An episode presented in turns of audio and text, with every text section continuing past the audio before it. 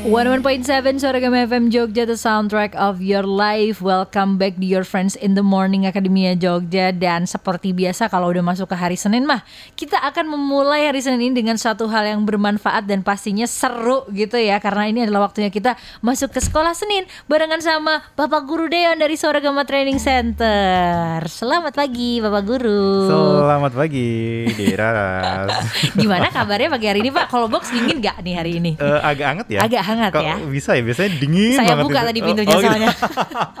Rada nggak kos sekalian buat sirkulasi kan ya Oh, Pak betul, ya. betul, betul. Buat sirkulasi. Kondisi seperti ini ya, Betul. sirkulasi harus tetap eh, Bet- berjalan lancar. Betul sekali Akademia Jogja itu kamu jadi sekarang kalau misalkan pagi-pagi ini baru dengerin kita berdua siaran kamu langsung buka-bukain jendela deh Hmm, tuh atau hmm. berjemur-berjemur lah ya lumayan sambil dengerin kita nih pastinya Iya, kita iya, punya yang seru-seru ya Pak ya. Yes. Bener banget Akademia Jogja. Jadi eh, di kesempatan pada pagi hari ini kita akan membahas tentang public speaking. Wow. Wow. Kalau menurut Pak Guru Deon sendiri, seberapa penting sih Pak skill public speaking ini harus dimiliki sama seseorang gitu? Ini menurut aku atau menurut data nih? Menurut Pak Guru baru menurut data. Oke. Kalau menurut aku pengalamanku eh, ngomongin tentang public speaking itu Hmm. Skill yang sebenarnya basic harus dimiliki oleh semua orang ya. Hmm, hmm, hmm. Karena kalau ngomongin tentang dunia profesional, entah Hmm. dunia kerja as a karyawan atau as a, apa namanya wirausaha itu, Hmm. I think apa namanya skill public speaking ini harus harus dipunyai gitu loh. Hmm. Karena ketika kita punya produk sebaik apa pun atau kita punya ide semenarik apa pun Hmm. atau kita punya pemikiran sehebat apa pun, ah. kalau kita tidak bisa menyampaikannya dengan baik, Hmm. ya orang nggak akan tahu gitu. Benar benar benar ya benar. mungkin ya aku sudah menyampaikan, cuman caranya yang salah jadi sehingga orang nggak nggak nangkep tuh apa yang kita sampaikan. Benar benar benar benar. Dan dan itu itu eh, itu mempengaruhi eh, apa namanya segala aspek dalam hidup kita lah. Aku setuju banget kalau Hmm. public speaking itu mempengaruhi berbagai aspek dalam kehidupan kita Akademia Jogja karena dari public speaking itu kamu juga belajar gimana sih cara men- menghadapi tipe orang yang berbeda-beda gitu nggak sih Oh Pak? betul sekali. Jadi kayak kamu jadi bisa membaca karakter paling nggak Hmm, secara mendasar secara umum gitu tuh kamu bisa kayak "Hmm, oh ini tipenya yang kayak gini jadi aku harus menyesuaikan diri seperti ini gitu. Iya, Menurut iya. aku sih dari public speaking itu bisa dipelajarin dari situnya juga. Nah Hmm. tapi kalau menurut data kayak gimana nih Pak Guru? Oh kalau ngomongin data Hmm. eh, menarik lebih menarik ya karena ini ngomongin tentang eh, apa namanya sesuatu yang sudah sudah diteliti gitu loh. Hmm, Ada satu penelitian dari ini dari Amerika karena aku cari data di tentang Indonesia itu kayaknya kok sedikit banget dan aku nggak nemu gitu ya. iya iya. Ngomongin di Amerika eh, 70 70% lebih eh, apa namanya top performer Hmm. itu salah satu skill yang wajib mereka punya adalah public speaking. I see. Jadi Hmm. orang-orang yang di top performer itu eh, ya ya CEO, direktur, orang-orang yang hebat lah. Hmm. Itu mereka pasti atau eh, sebagian besar, sebagian besar banget bahkan mereka punya skill itu gitu loh. Hmm. Dan kebalikannya orang-orang yang selama hidupnya atau selama eh, karir dia hanya as a staff atau as hanya biasa aja nggak Hmm. nggak berkembang, Hmm. itu diteliti ternyata public speakingnya memang ya non saya apa namanya jelek gitu loh Iya, ya, iya, nggak nggak- iya, nggak iya. baik gitu. Hmm, hmm, hmm, hmm, hmm, hmm. Itu yang nomor satu. Eh, Ada ada lagi sebuah penelitian eh, yang meneliti se- seorang Daniel Goldman. Namanya Daniel Goldman. Daniel Goldman itu seorang pakar ya psikologi lah, eh, wartawan juga. Ya. Dan dia aksesnya untuk eh, ke orang-orang hebat dunia itu itu bisa lah. Ah. Nah, dia menuliskan satu buku, eh, bukunya itu judulnya Why EQ More Than IQ. Jadi Oke. kenapa emotional quotient, jadi kecerdasan emosi Hmm. itu lebih penting daripada IQ. Wow, kenapa itu Pak? Nah, wow itu dijelaskan panjang lebar di situ. Tapi tapi aku menyoroti tentang uh, skill ngomong ini. Hmm, Nah, dalam buku itu dikatakan ternyata orang sukses Hmm. itu dipengaruhi oleh 20% hard skill Oke. dan 80% hard skill uh, soft skill. Hmm, hmm. 20% hard skill itu adalah sesuatu yang kita pelajari di kuliah, I di see. bangku pendidikan. Teori ya berarti ya. Teori Hmm, uh, sesuatu yang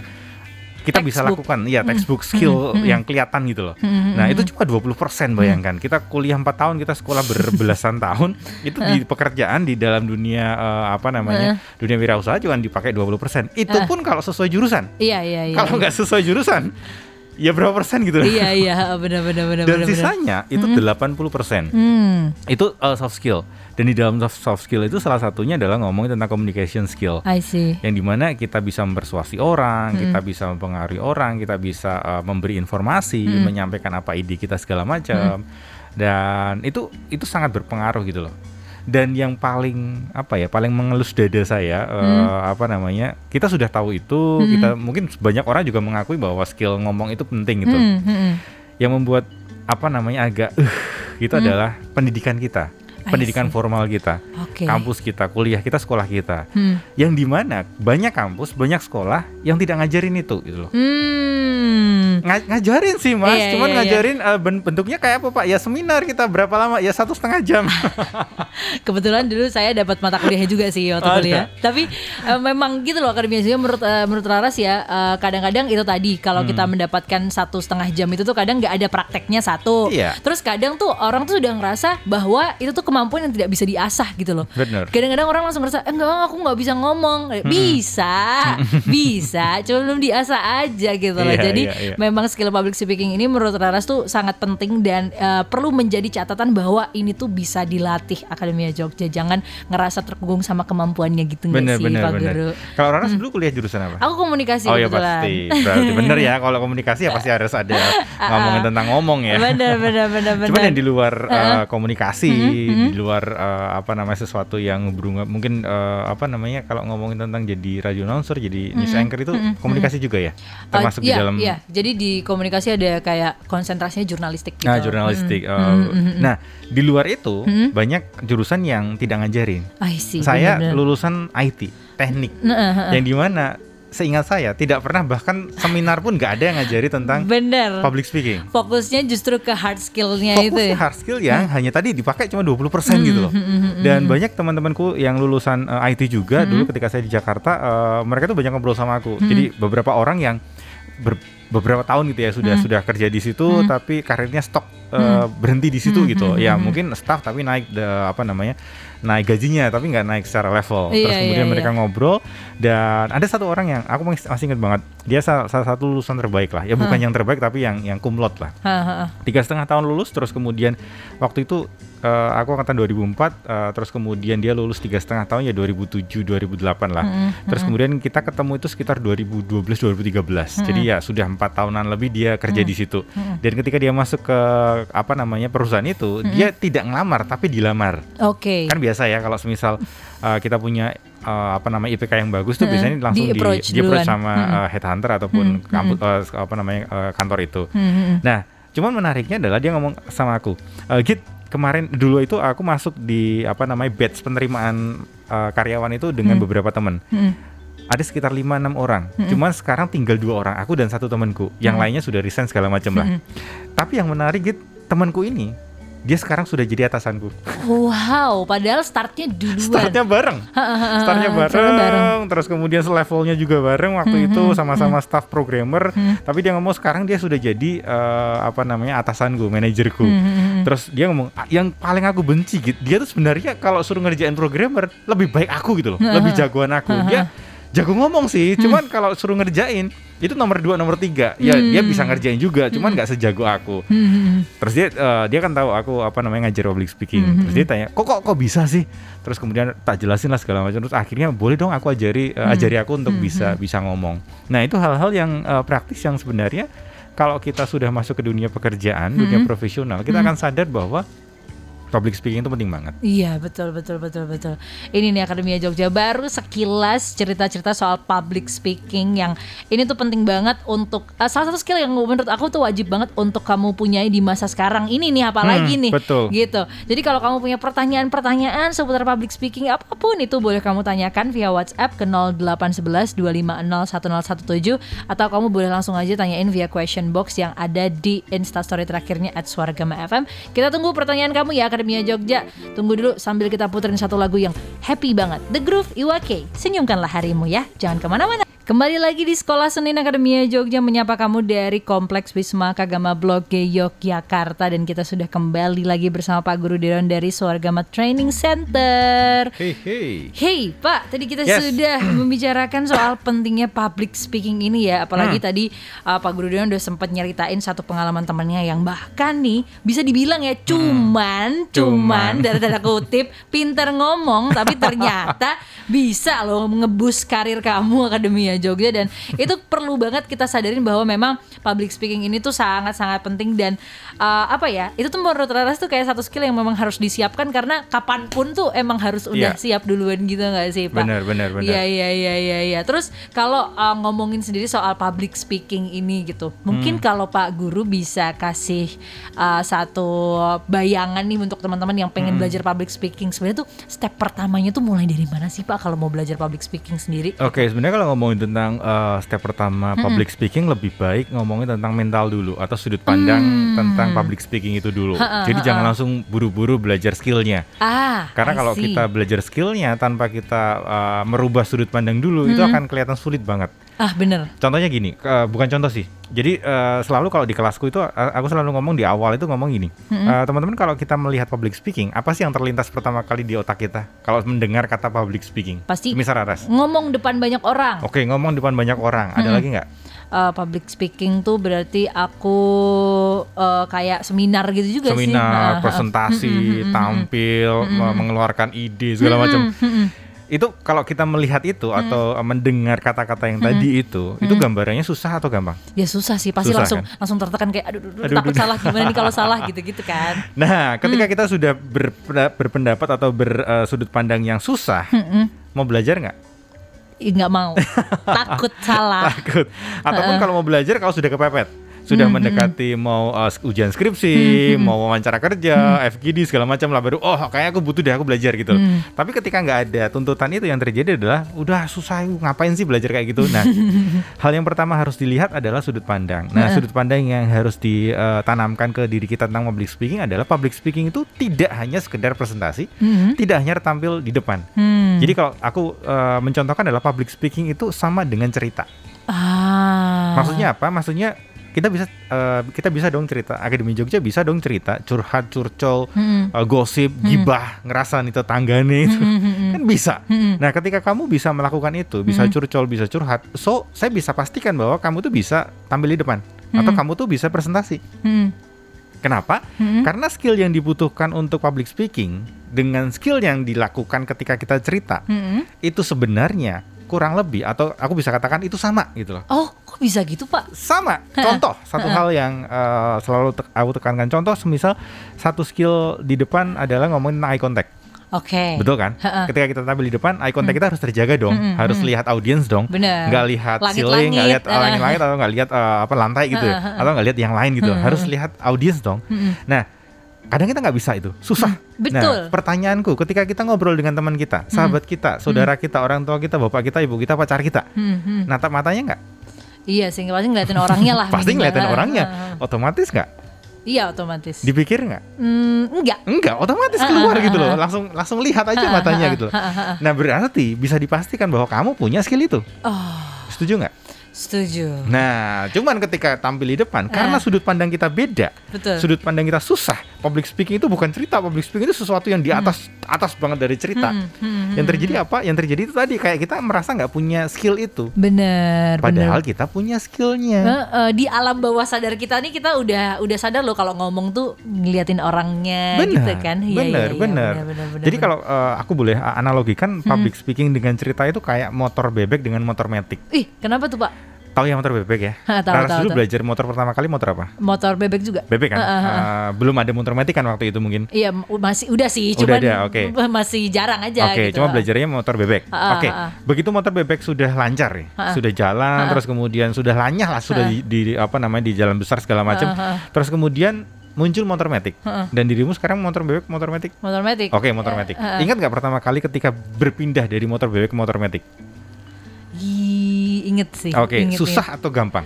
Langsung bisa menyesuaikan sih kebetulan, cuman Oke. memang rada kayak aduh kagok-kagok. Iya, kagok-kagok. Kagok-kagok pasti mungkin eh, kakinya injek-injek karena biasanya ada persnelan gigi Betul, sama betul, rem. betul. Sekarang nggak ada, Ha, gitu.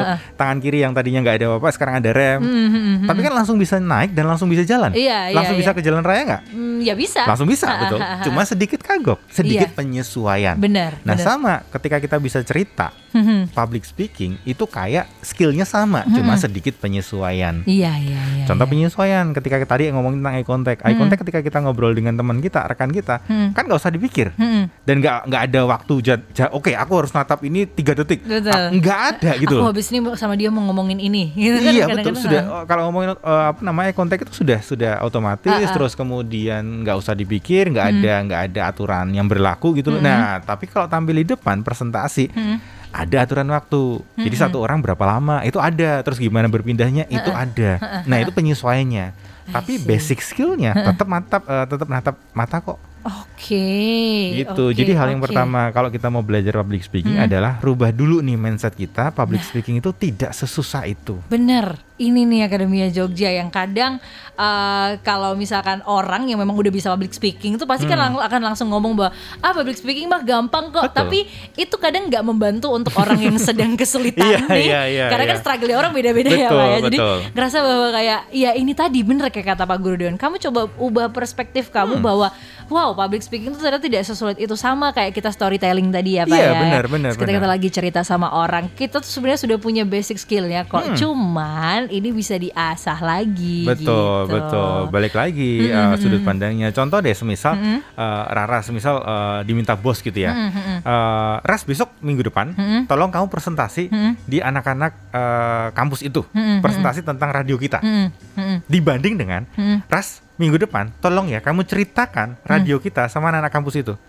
Tolong Ras minggu depan kamu ceritakan radio kita kepada anak-anak itu. Iya, iya, iya. iya, Enteng iya. mana Ras? Ya lebih enak suruh ceritain sih. Suruh ceritain sih. Karena itu kenapa? Karena itu hal yang kita lakukan sehari-hari ya Pak ya. Betul. Betul. Oke, kalau gitu Akademia Jogja semakin menarik pembahasan ini. Jadi kalau misalkan kamu punya pertanyaan-pertanyaan seputar public speaking, mumpung nih kita lagi sama Pak Guru Deon, kamu bisa nanya-nanya pertanyaan soal apa pun itu yang terkait dengan public speaking, boleh langsung kamu tanyakan ke 0811250117 atau silahkan langsung aja isi question box di Instastory terakhir ada di Instagram @suaragama_fm. Kita bakal balik lagi setelah yang satu ini Akademia Jogja. Jangan ke mana-mana dulu, stay tune terus. Cuma di Your Friends in the Morning barengan sama Kani Rara. Kembali lagi di Your Friends in the Morning program fun fun fun di pagi hari ya.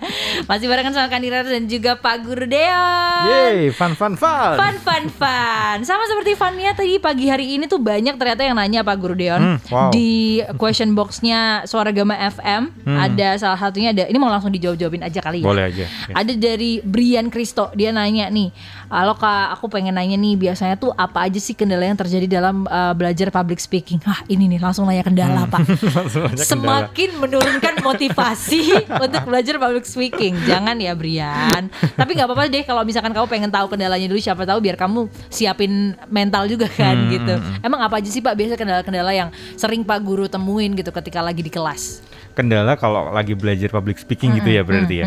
Kalau kendalanya sih eh, sebenarnya tadi yang pertama ngomongin tentang sudut pandang dulu. Jadi masuk kelas dengan sudut pandang yang berat dulu itu. Itu yang pertama. Lalu yang paling berat menurut saya adalah ngomongin tentang kendala adalah orangnya atau siswanya itu nggak mau latihan.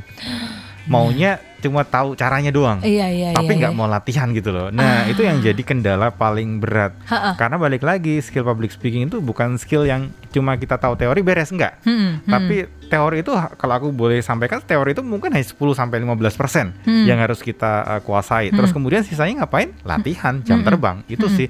Jadi kendala yang paling susah adalah semisal uh, kalau di Suragama Training Center itu kan uh, enam kali pertemuan ini aku aku buka ya. Hmm. enam kali pertemuan uh, kelas public basic. Hmm. enam kali pertemuan satu pertemuan satu setengah jam Hmm. yang mungkin akan dimulai uh, setelah ppkm ini. Hmm. Nah satu setengah jam selama enam kali pertemuan itu berarti 9 jam total.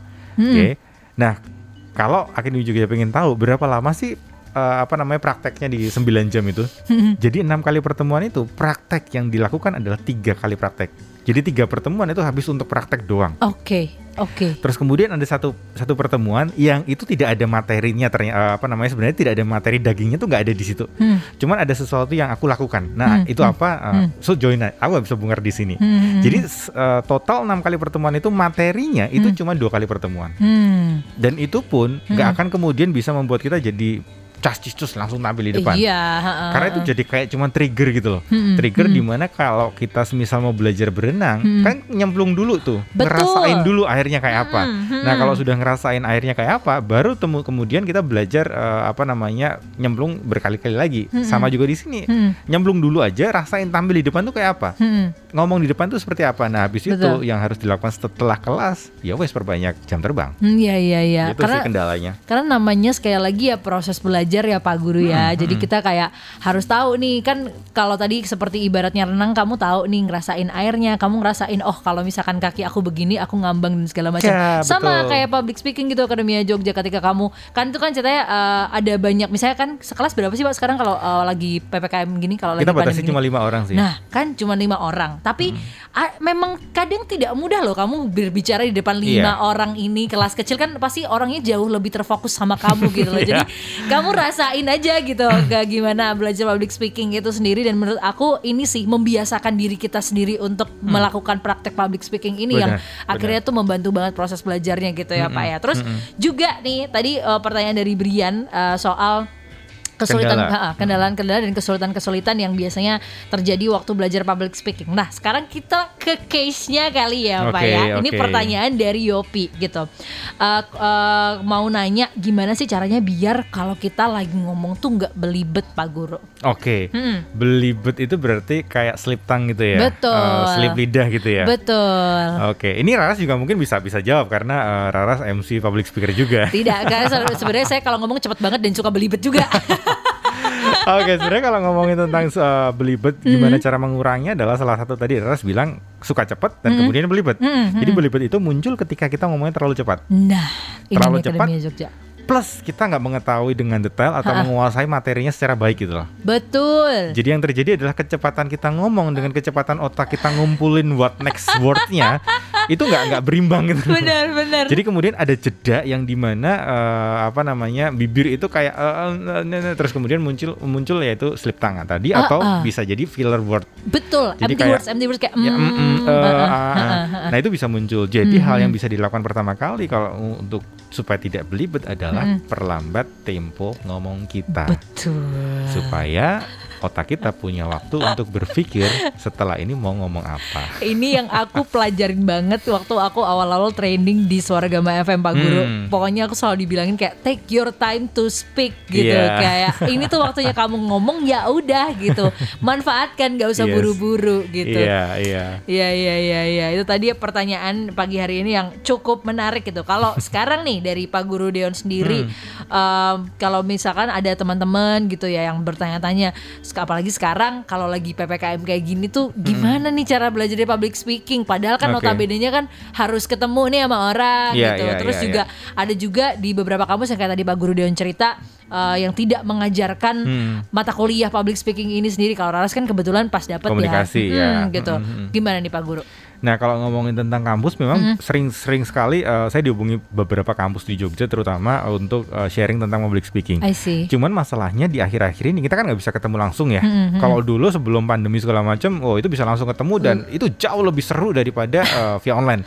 Betul. Cuman karena kondisi seperti ini harus online. Nah belajar via online public speaking itu susah-susah mudah. Oh, mm, mm, mm. Dalam arti eh, apa namanya audiens atau mahasiswa itu nggak nggak kemudian bisa intens selama eh, sesi itu berlangsung. Hmm. Kan biasanya disambi ya di rumah ya entah sambil makan, entah macam-macam. Kita nggak nggak tahu itu. Hmm. Jadi yang bisa dilakukan adalah eh, apa namanya kalau aku ya kalau aku ngomongin tentang siswa-siswaku gitu ya, masa kalau semisal kondisi seperti ini gimana jarang presentasi, ya sudah kamu buat presentasi aja sendiri, rekam aja sendiri pakai HP, terus kemudian udah upload aja di YouTube. Hmm, hmm, Kan itu sesuatu yang simple, sesuatu yang gampang, sesuatu yang bisa dilakukan kapan pun Betul. di mana pun kan. Betul. Ngomongin apa terserah, nggak nggak ada nggak harus ada eh, sesuatu yang penting untuk di ngomongnya ada aja sesuatu yang eh, hobimu kayak eh, Iya, apa namanya keresahanmu kayak Bener bener. ngomong aja di depan kamera terus kemudian dengan skill yang sudah dipelajari public speaking itu dan kemudian diupload lah Hmm. Ataupun kalau nggak diupload ya wes nggak apa di di save di di memori eh, apa namanya HPmu segala macam. Yang penting kamu belajar di situ. Kamu melakukan atau menambah jam terbang. Nah. itu yang bisa bisa dilakukan sih. Ha, ha, daripada eh, kalau kalau aku bilang daripada hanya lihat webinar gitu ya cuma satu setengah jam terus habis itu nggak nggak ngelakuin apa apa Mm-mm. mending satu setengah jam itu kamu ngomong deh di depan kamera. Iya. Itu akan lebih menambah skillmu Iya. daripada hanya belajar dan selesai di situ. Bener, ini dalam konteks kamu mempelajari public speaking ya, Iya, Akademi iya, Jogja ya. yes. Gitu. Nah, jadi banyak ternyata yang bisa kamu lakukan bahkan ketika lagi susah ketemu sama orang kayak gini, Hmm, kamu tetap bisa latihan gitu loh Akademia Jogja. Nah, terus kalau untuk ini ya, kalau mau naik ada yang penasaran sama kelas public speakingnya Swargama Training Hmm. Center nih Pak Guru, mungkin Oke. boleh diceritain sedikit. Mm-mm. Jadi kalau di STC itu kita ada tiga kelas ya, ada uh, public speaking, ada MC dan ada radio announcer. Public speaking nanti bisa ketemu dengan saya, terus MC ketemu dengan Cici, dan kalau radio announcer ketemu dengan Raras. Jadi uh, Akademi Jogja kalau mau belajar, please kontak kontak kita. Nah, kalau khusus di public speaking ini tadi enam kali pertemuan itu kelas basic dan kita ada tiga jenis kelas, basic, advance, pro. Hmm. Basic itu adalah ngomongin tentang skill yang harus kamu punya secara basic. Jadi kita belum ngomongin tentang slide, belum ngomongin tentang gimana nampilin video, gimana nampilin audio itu belum. Itu ada di kelas advance. Hmm, Fokus di kelas basic itu adalah kamu harus bisa ngomong dulu tanpa slide.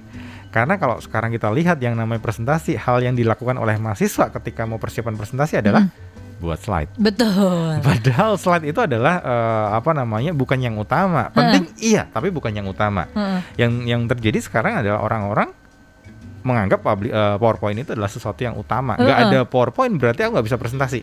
Aduh, padahal ya dari kamu yang kamu omongin itu sebenarnya intinya iya. Dan itu Jogja. salah kaprah gitu loh. Mm-mm, Makanya dikembalikan di kelas basic ini bahwa kamu harus bisa ngomong tanpa ada PowerPoint dulu nih. Mm-mm, Nah, kalau kamu sudah bisa ngomong dengan PowerPoint eh, tanpa PowerPoint baru masuk ke kelas advance yang di mana itu diperlengkapi dengan beberapa berbagai hal yang kemudian memperlengkapi dirimu.